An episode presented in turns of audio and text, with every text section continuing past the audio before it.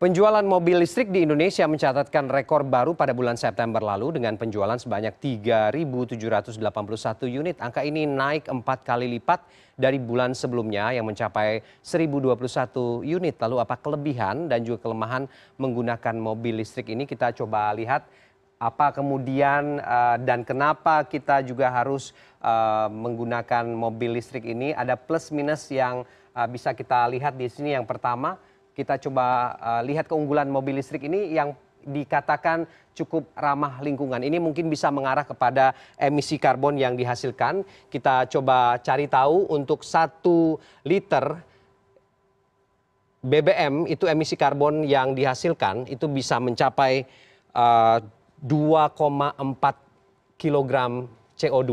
Sementara untuk satu kWh mobil listrik ini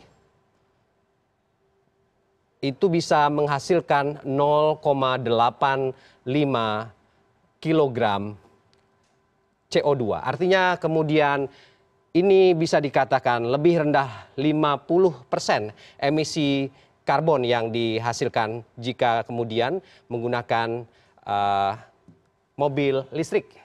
Nah, sementara untuk yang selanjutnya, keunggulan dari mobil listrik ini adalah kualitas performa yang tidak kalah dengan mobil konvensional. Nah, ini dikatakan karena memang torsi puncak pada mobil listrik akan langsung tersedia tanpa perlu menunggu pada putaran mesin. Selanjutnya yang uh, juga menjadi keunggulan dari mobil listrik ini adalah tidak berisik karena memang tidak ada pembakaran di ruang mesin dan ini juga yang membuat uh, polusi suara ya ini juga semakin berkurang dan membuat mobil ini kabinnya menjadi senyap.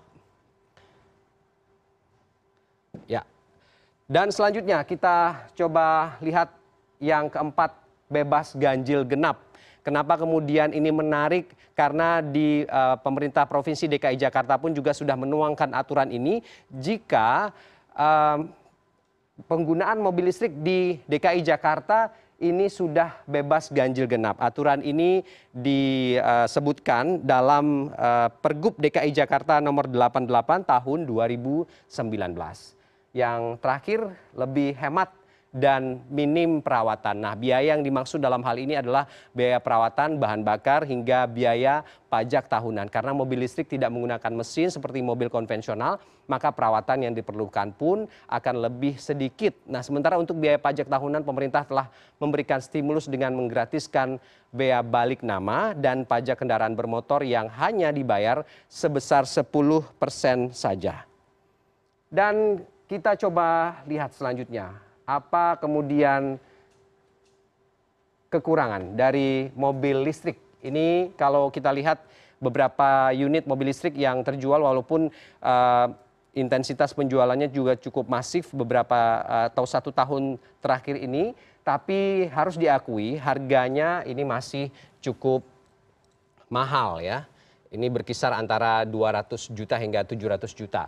Dan yang selanjutnya persoalan yang cukup pelik ini juga penting untuk di uh, apa namanya ya untuk didiskusikan lebih lanjut bagaimana keberadaan charging station yang belum merata. Ini infrastrukturnya memang belum banyak di Jakarta kita sudah lihat beberapa tapi kemudian ini persoalan kalau kemudian uh, perjalanan menggunakan mobil listrik ini uh, menuju ke luar daerah. Artinya dengan masa pakai baterai yang terbatas tentu ini juga harus dipikirkan bagaimana kemudian bisa membuat charging station yang lebih banyak di sejumlah titik atau di daerah-daerah di luar Jakarta sendiri. Dan yang ketiga, ini waktu pengisian daya baterai ini juga terbilang cukup lama karena kemudian uh, dikatakan jika pengisian di rumah ini bisa uh, mencapai 15 sampai uh, 19 jam, tapi kemudian memang kalau di charging stationnya aja, ini pengisian baterai bisa berlangsung 4 sampai 5 jam. Dan daya tahan baterainya ini hanya bisa menempuh jarak tempuh kurang lebih 350 km. Dan yang terakhir, kita coba lihat kekurangan mobil listrik ini adalah harga baterai yang masih mahal. Kalau kemudian harga baterai ini kita lihat uh, dianalogikan harga mobil listrik ini 700 juta, berarti harga baterai itu bisa mencapai harga 280 hingga 300 juta karena memang harga baterai mobil listrik ini harganya bisa 40 sampai 50 persen dari harga satu uh, unit uh, mobil listrik itu sendiri. Baik, kita lihat selanjutnya. Ini mobil listrik yang terlaris yang sudah dijual di Indonesia dari Januari hingga September 2022. Yang pertama ada Wuling Air EV, ini kisaran harganya berkisar antara 280 juta rupiah.